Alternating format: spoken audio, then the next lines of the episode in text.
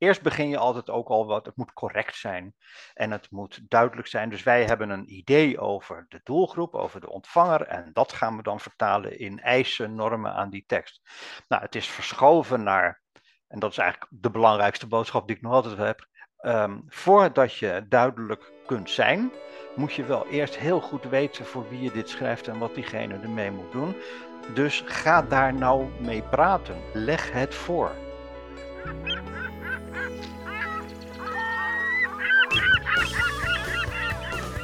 Ja, lieve luisteraars, daar zijn we weer met een nieuwe aflevering van Wat bedoel je? De podcast over heldere taal. En vandaag gaan we het hebben over weer zo'n bijzondere combinatie: het onderwijs en heldere taal. Iets waarvan je misschien denkt: dat is toch logisch dat ze in het onderwijs heldere taal gebruiken en het ook aanleren. Maar of dat zo is, daar gaan Paula en Sanne vandaag over in gesprek met weer een bijzondere gast.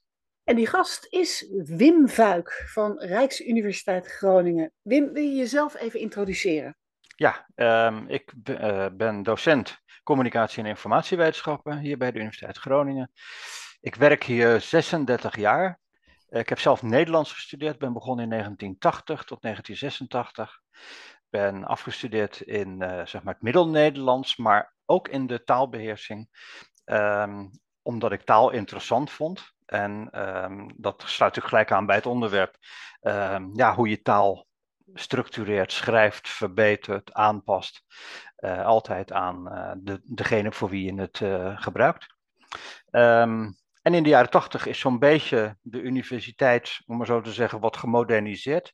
Zeker de letterenfaculteit. We moesten wat meer praktische opleidingen hebben. En communicatie en informatiewetenschap is er daar één van. Gericht op zeg maar professionele communicatie van bedrijven, instanties. Uh, hè, dus iets anders dan puur van, van uh, individu tot individu, maar dat mensen de wonderlijke eigenschap hebben om ook namens een organisatie te kunnen spreken, voorlichting, PR. Uh, eh, nou ja, dat is natuurlijk enorm gegroeid in de loop van de tijden met allerlei media. En dat doe ik met veel plezier. Prachtig. Kijk, dat het enorm gegroeid is in uh, de afgelopen jaren, dat vind ik een heel positieve ontwikkeling. Want het communiceren met klanten of het communiceren met inwoners, dat is dus echt een vak geworden. Um, nou, dat is alleen maar heel erg positief. Maar ik vraag me wel af, in hoeverre is dat vak nou ook veranderd in de loop van de jaren? Wanneer ben jij voor het eerst gaan praten over de ontvanger van de teksten? Um, nou, ik, heb, ik ben daar rond 1990 over gaan nadenken, omdat ik een proefschrift moest schrijven. En dat heb ik ook wel met plezier gedaan, maar ja, mijn toenmalige baas zei: Wim, als je hier wil blijven, dan moet je echt gepromoveerd zijn en dan moet je maar eens wat gaan verzinnen. En toen heb ik een proefschrift geschreven over interne communicatie.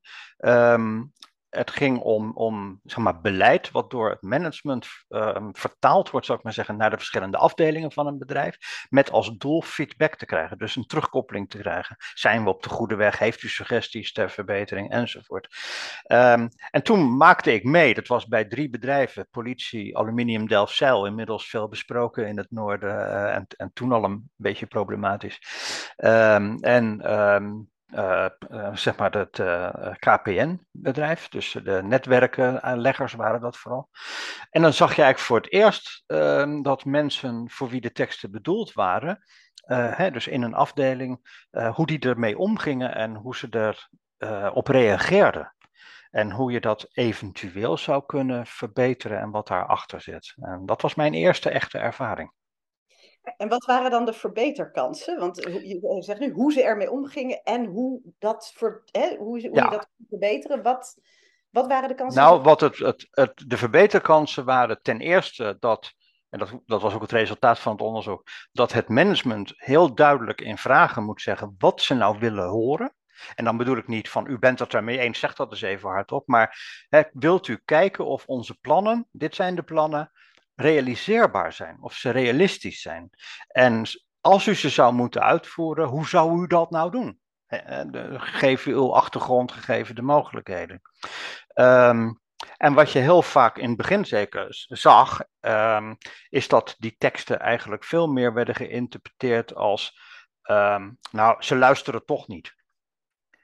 En dat was eigenlijk het grootste punt van ze menen niet echt dat wij moeten gaan antwoorden hierop en suggesties doen, want we weten gewoon dat er niet geluisterd wordt. Hè? Dus mensen interpreteren, merkte ik toen, heel erg van in een organisatie, hè, moet ik wel even erbij zeggen, uh, heel erg vanuit hun eigen beleving, vanuit hun eigen organisatiecultuur. Zo, zo noemden we dat toen. Ja, je noemt cultuur. Ja. Want dit heeft ontzettend veel te maken met cultuur, lijkt me. Ja. Heb je de cultuur zien veranderen in de afgelopen... Ja. Nou, wat is dat? 30 jaar? Ja, dat is een enorme tijd. Um, je hebt de, de cultuur is natuurlijk veranderd. Uh, Nederland is veranderd. En, en, ik bedoel niet alleen van die hele grote dingen als we zijn een, toch een andere samenleving geworden.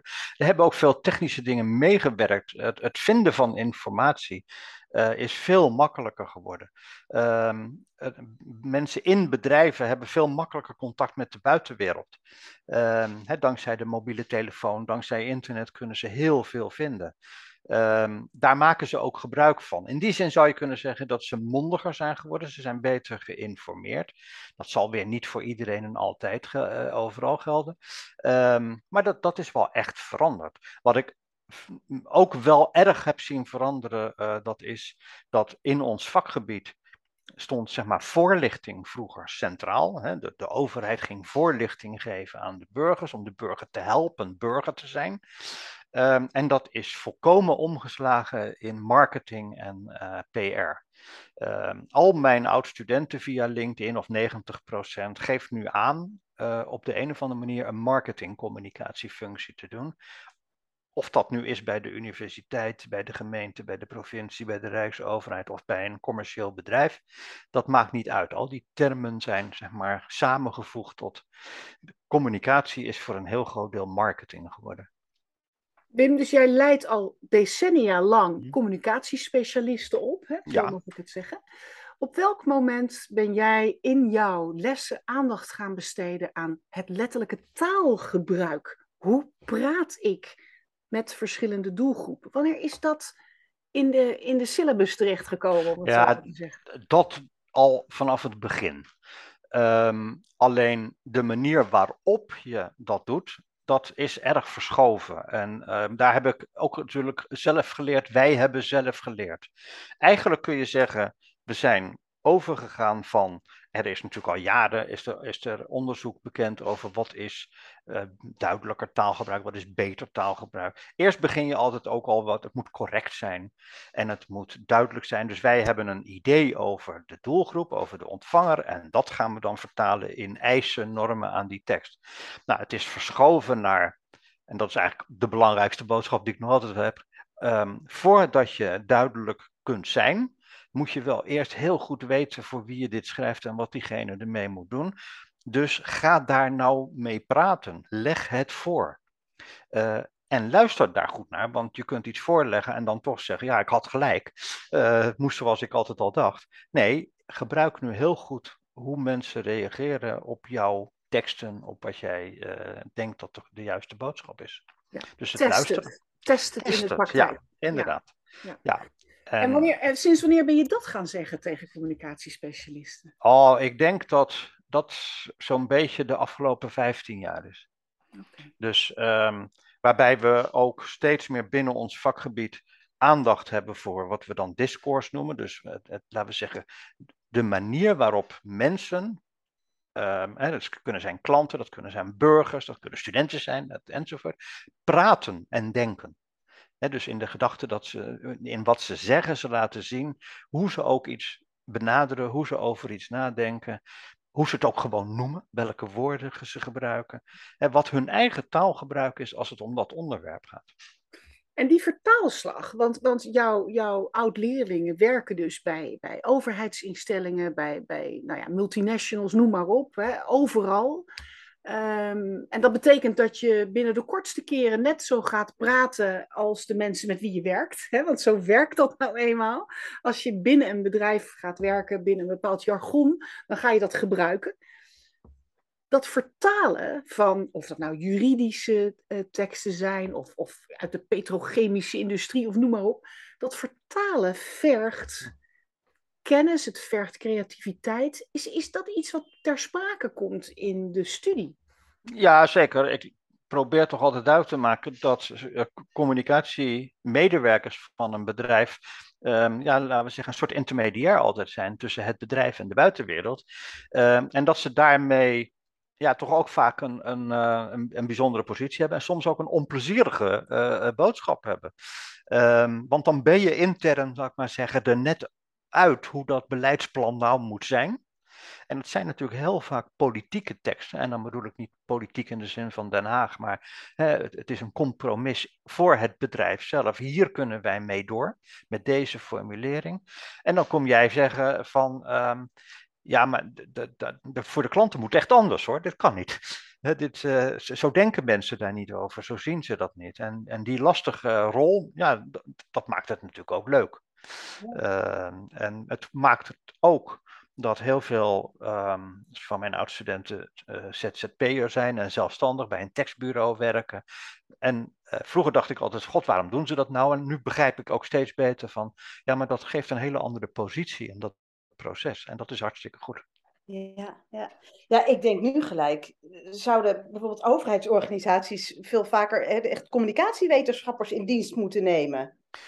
Om uh, dus duizenden uh, nou. te zijn en, en, en een beetje te duwen en te trekken en kritische vragen te stellen. Irritante vragen te stellen misschien. Ja, nou hebben ze die al hartstikke veel in dienst hoor. Als ik naar ja. LinkedIn kijk en uh, uh, mijn oud-studenten, uh, dan, dan zitten er toch heel veel in die sector. Um, maar het, het, antwoord is, ja, je kunt niet genoeg van die, van die lastige mensen. Ik zou natuurlijk ook mijn eigen, laten we zeggen, beroepsgroep plezier mee doen met dit antwoord. Tegelijkertijd moet ik wel een andere, iets, ook iets anders zeggen. Van communicatiemedewerkers zijn natuurlijk niet de enige die communiceren namens een bedrijf. Het zijn de mensen die dat zeg maar professioneel doen, die dat uh, de bepaalde stukken kritisch bekijken, dingen veranderen, verbeteren, adviezen geven. Maar in beginsel zouden heel veel mensen dat natuurlijk moeten kunnen. En ik meen dat het ook Jacques Wallage is, die wel eens gezegd heeft, met, van in, alle mensen bij de overheid moeten toch in staat zijn om fatsoenlijk te kunnen vertellen aan de burger hoe deze regelingen in elkaar zetten en hoe dat zit. Heb je, niet, je hebt toch niet de hele tijd maar een communicatiemedewerker nodig? Nee, was dat maar waar, hè? Zover zijn we nog niet. Ik heb nee. een andere vraag. Want als ik aan Groningen denk, dan denk ik altijd aan mijn oudste broer die daar gestudeerd heeft, medicijnen gestudeerd heeft. En uh, vanuit mijn werk als aanjager in een, in een taalpact uh, heb ik nu ook weer met mensen uit de medische beroepsgroep te maken. En dan denk ik, goh, het zijn natuurlijk niet alleen uh, de communicatiespecialisten die goed moeten communiceren. Het zijn ook de artsen, de juristen en waarom leren ze dat niet alvast op de opleiding? Kan jij daar ah, wat aan doen? ja, dat is, het is heel leuk dat je het noemt, want we, we doen daar wat aan. Ik heb een collega die uh, heel veel uh, onderzoek doet en, en, betrokken is bij de opleiding van artsen, medici. Um, en dat is uh, hartstikke interessant, want hij mag ook opnames maken van arts-patiëntgesprekken, maar ook hoe artsen onderling praten om nou ja, voor, voor hem is dat onderzoeksmateriaal interessant, maar ook om te vertalen naar een opleidingspraktijk uh, voor, voor de artsen. Uh, maar dat is zeker het geval hoor, dat, uh, dat daar aandacht voor is. Um, ja, of dat altijd even succesvol is, of dat gelijk tot hetgene leidt dat je. Ook hier krijg je natuurlijk enorme verschuivingen. De huidige patiënt is zo anders. Uh, dan de vroegere patiënt. En dan eh, zijn er weer ouderen en jongeren. Uh, maar heel, heel veel artsen beginnen ongeveer, weet ik uit mijn eigen ervaringen, met de vraag: Heeft u al op internet gekeken over dit onderwerp en wat vindt u daarvan?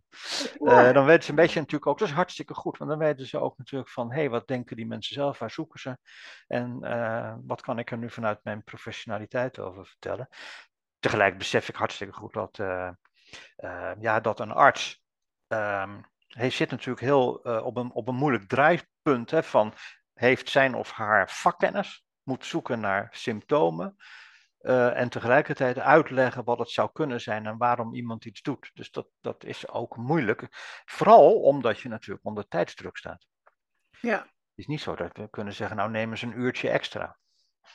Nee, Nou, en er is, ik, ik denk dat artsen heel goed zijn tegenwoordig in het uitleggen en in het praten over en in het uh, informeren van mensen en terugvragen. Hè. Dat is uh, heel belangrijk. Uh, van, van, heeft u begrepen wat ik heb, heb gezegd? Je zit natuurlijk vaak tegenover iemand, dus dat vergemakkelijkt het al even. Ik heb in mijn achterhoofd ook de patiëntendossiers die meer en meer openbaar worden en waar je zelf in kunt kijken als patiënt. En nou ja, goed. Maar dat is, daar gaan, we, gaan we nog eens een keer een hele aparte nou, over maken mag een klein ding over toevoegen, want dat is hartstikke interessant. Mijn vrouw is verpleegkundige en werkt met dementerende bejaarden, eh, meestal bejaarden. Um, en die hebben dus ook openbare, dat wil zeggen dossiers die niet echt openbaar zijn, maar voor de familieleden toegankelijk. En tegelijk krijg je een nieuw fenomeen, dat is dat wat daarin komt ook geschikt moet zijn voor die familieleden en soms dus ook strategisch erin wordt gezet of juist niet. Uh, hè, van iets wat beledigend kan zijn. Of bijvoorbeeld, hè, dat er staat, ja, uh, mevrouw scheldt andere bewoners heel veel uit. Nou, dat kan heel gevoelig zijn voor de, voor de uh, familieleden. Van jeetje, maar zo was mijn moeder toch niet, wat erg. dus dan zijn ze nog als, laten we eerst even bellen en laten we eerst maar even contact hebben voordat we iets opschrijven, want anders gaan mensen zelf bellen en bezorgd zijn. dus die openbaarheid, dat levert steeds hetzelfde punt op van het is niet alleen maar openbaar, maar het wordt ook anders gebruikt. Het wordt ook anders ingevuld. Wat een geweldig voorbeeld. Je zult dat inderdaad maar lezen over je moeder of over je, je kind dat ergens behandeld wordt. Um, ik, ik, ik heb nog een, een vraag. Ik, zit, ik zie nu die studentenvormen van jou. Hè? Um, en ik heb begrepen dat jij, dat jij wel eens studenten de straat opstuurt. Klopt dat? ja. Uh... ja, ik zou eigenlijk iedereen de straat op willen sturen, namelijk. Ja, dat, dat klopt inderdaad. Um, um, en, want ook studenten moet je dan, ja, het is hartstikke makkelijk tegenwoordig om te zeggen, ja, we kijken wel op internet en we kijken wel op YouTube en we kijken wel op dit, maar um, ik, ik, wil ze toch ook graag in een echte uh, situatie plaatsen, dus ga naar de mensen toe en ga daar praten. Um, en uh, ik kan mezelf daarvan heel goed herinneren. De eerste keer dat ik dat deed was bij een methodologiecollege. Studenten moesten voorbeelden verzamelen van wat we dan noemen uh, openbare communicatie. Dus teksten die je in de straat vindt, zal ik maar zeggen, op straat. Dat kunnen reclames zijn, kunnen verbodsborden zijn enzovoort. Eigenlijk is de vraag dan op een gegeven moment iets van wat betekenen ze en hoe, hoe zit de betekenis van zo'n tekst vast aan de plaats. dus geldt het verbod uitsluitend waar dat bordje hangt of één meter ervoor, of waar houdt het op eigenlijk. En toen kan ik me herinneren dat uh, s ochtends om negen uur college had, van negen tot elf. En ze moesten zulke teksten verzamelen. En dat ik om kwart over negen, eerlijk gezegd was het omdat ik niet meer heel goed wist wat ik verder moest doen. En ik moest nog tot elf uur voort. Uh, toen dacht ik, weet je wat? Uh, ik zeg, pak je jas, we gaan. En iedereen was heel verbaasd. En we liepen een rondje, we zitten midden in het centrum, dus we liepen een rondje langs uh, de winkels en door de stad. Ik zei, nou schrijf maar op, maak foto's. Toen was het nog helemaal hip dat je die foto's kon mailen en die kon ik dan laten zien in de klas later. uh, tegenwoordig is het allemaal ongeveer, veel, is allemaal veel makkelijker natuurlijk. Um, en dat hebben ze zich altijd, dat zijn nog steeds studenten die dat hebben meegemaakt en dat echt zich herinneren als van, nou dat was wat. We liepen gewoon om kwart over negen s ochtends buiten in de kou. We hebben foto's gemaakt en, en we zijn gewoon gaan kijken naar het materiaal. En wat, wat waren de, de, de, de, de inzichten die ze daarmee hadden? Los van dat het heel nou ja, vrij apart was om zo de straat op te gaan. Maar wat kwamen jullie tegen? Nou, het grote inzicht was dat je veel meer van dat soort voorbeelden ziet. Een winkelstraat zit bomvol uh, teksten en, en, en, plaatjes en dingen. dus dat wat zij eerst dachten van, oh, dan moet ik zoeken en waar vind ik ze nou, bleek een straat, zeg maar, onnoemelijk veel voorbeelden te bevatten. En tegelijkertijd kon je ter plekke laten zien van wat is nou het bijzondere hieraan. En dat zijn allemaal bijzondere dingen of opvallende dingen, ja, die helemaal natuurlijk voor de, voor de gemiddelde Nederlander helemaal niks bijzonders zijn. Hè? Zo van, uh, een, een, eh, een, een bordje van hier geen fietsen plaatsen. Waar houdt dat op? Wat is de betekenis daarvan? Um, wat is hier? Um, en, en wat kan je dan wel doen? En, uh, maar dat geldt ook voor allerlei reclameborden die, hè, die, die zeg maar, oh, het zijn, uh, de officiële naam is geloof ik uh, public semiotics of, of publieke semiotiek, de betekenis in de publieke ruimte. En het is, eigenlijk valt je dan ook soms gewoon op van, hoeveel in een winkelstraat, gewoon in Groningen, wordt um, bepaald, wordt ingekleurd door reclames. Dus namen van winkels, gevels, in de etalage van alles, fietsen die neergezet worden met een reclamebord erop. En dat, het is allemaal ruimte van, van de samenleving, van ons allemaal. Maar het wordt dus heel erg gebruikt. Ik, ik zie een oproep voor onze luisteraars, eh, Wim, dankzij dit prachtige voorbeeld. Ik zou zeggen, als jij nu zit te luisteren, trek je jas aan, loop naar buiten, maak een foto of maak meerdere foto's van alles wat je ziet en stuur ze naar ons op. Ja, en het is gelijk ook weer te koppelen aan duidelijkheid, want heel veel van die reclames zijn helemaal niet zo duidelijk. Die zijn namelijk vooral bedoeld om dat we ons iets afvragen, of dat we verbaasd zijn, of dat we denken van, oh, daar moet ik dan vandaag nog heen. Uh, hè, dus, dus, ja. ik, denk dat we, ik denk dat we dit gaan meenemen als meest belangrijke tip en ook gewoon eens een leuke oefening voor iedereen die altijd maar bezig is met communiceren. Uh, ga nou eens naar buiten, pak je telefoon, kijk wat er voor tekst en beeld en communicatie op je afkomt. Fotografeer dat en vraag je eens af: is dit zinvol? Is dit duidelijk? Wil ik hier meer van of kan ik ook zonder? Ja. ben je het daarmee eens, Wim? Als we ja, helemaal, helemaal. meenemen? Ja, zeker. Dus ten eerste ga je eens heel anders naar je eigen omgeving kijken. Ehm, en ten tweede zie je natuurlijk ook, ehm, ehm, ja, ook daarin zie je weer heel veel verandering. Vooral als mensen zich nog herinneren, oh, was dat nou eigenlijk vroeger?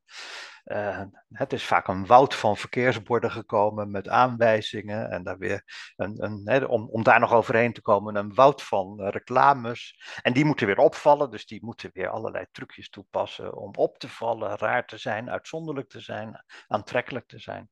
En dat is op zich heel interessant materiaal.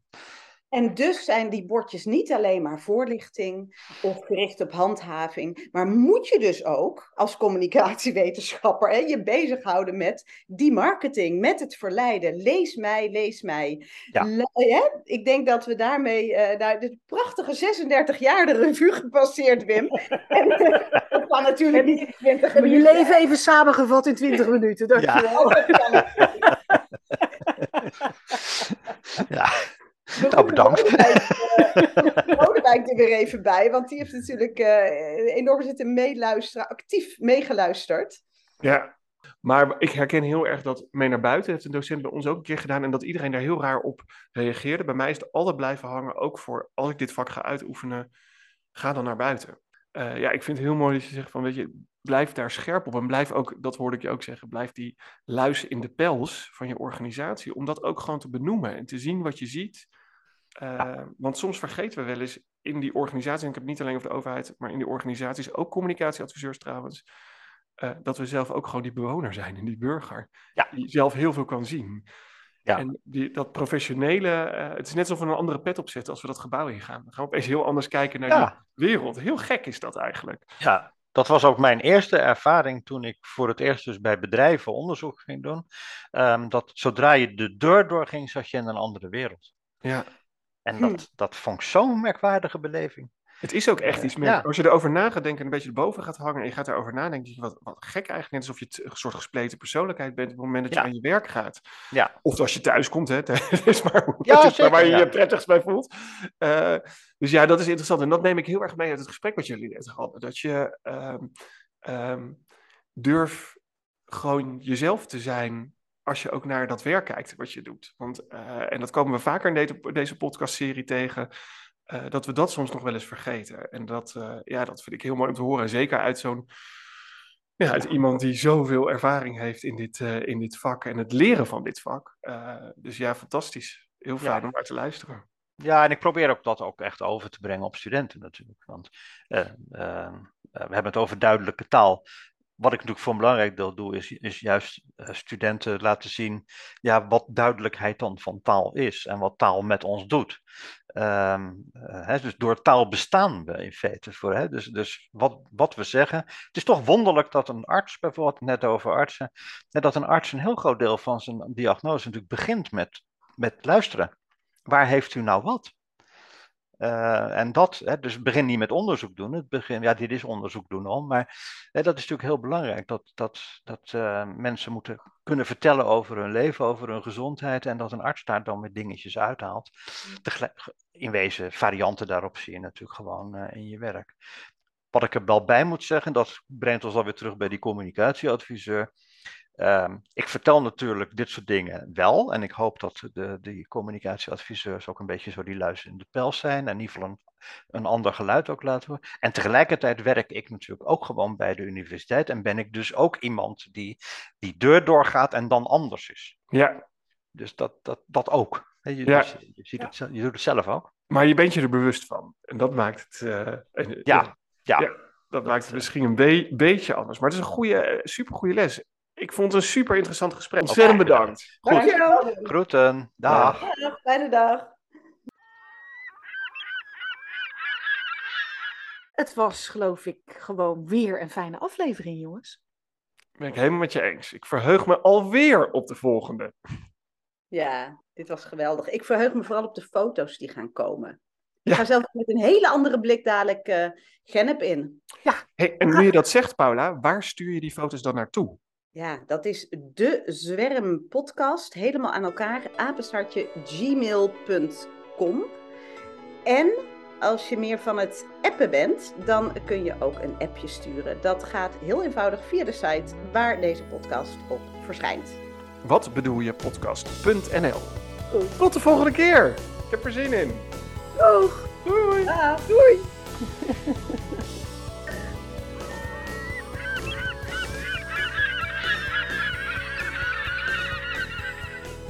Wat leuk dat je luisterde naar Wat bedoel je? Een podcast van De Zwerm. En De Zwerm, dat zijn jij en wij, Sanne Boswinkel, Paula van Gemen en Lodewijk van Noord. Heb je tips of vragen? Laat ze aan ons weten. Reageer via LinkedIn of gebruik WhatsApp op onze website watbedoeljepodcast.nl. Mailen kan natuurlijk ook en dat kan naar dezwermpodcast apenstaartje gmail.com.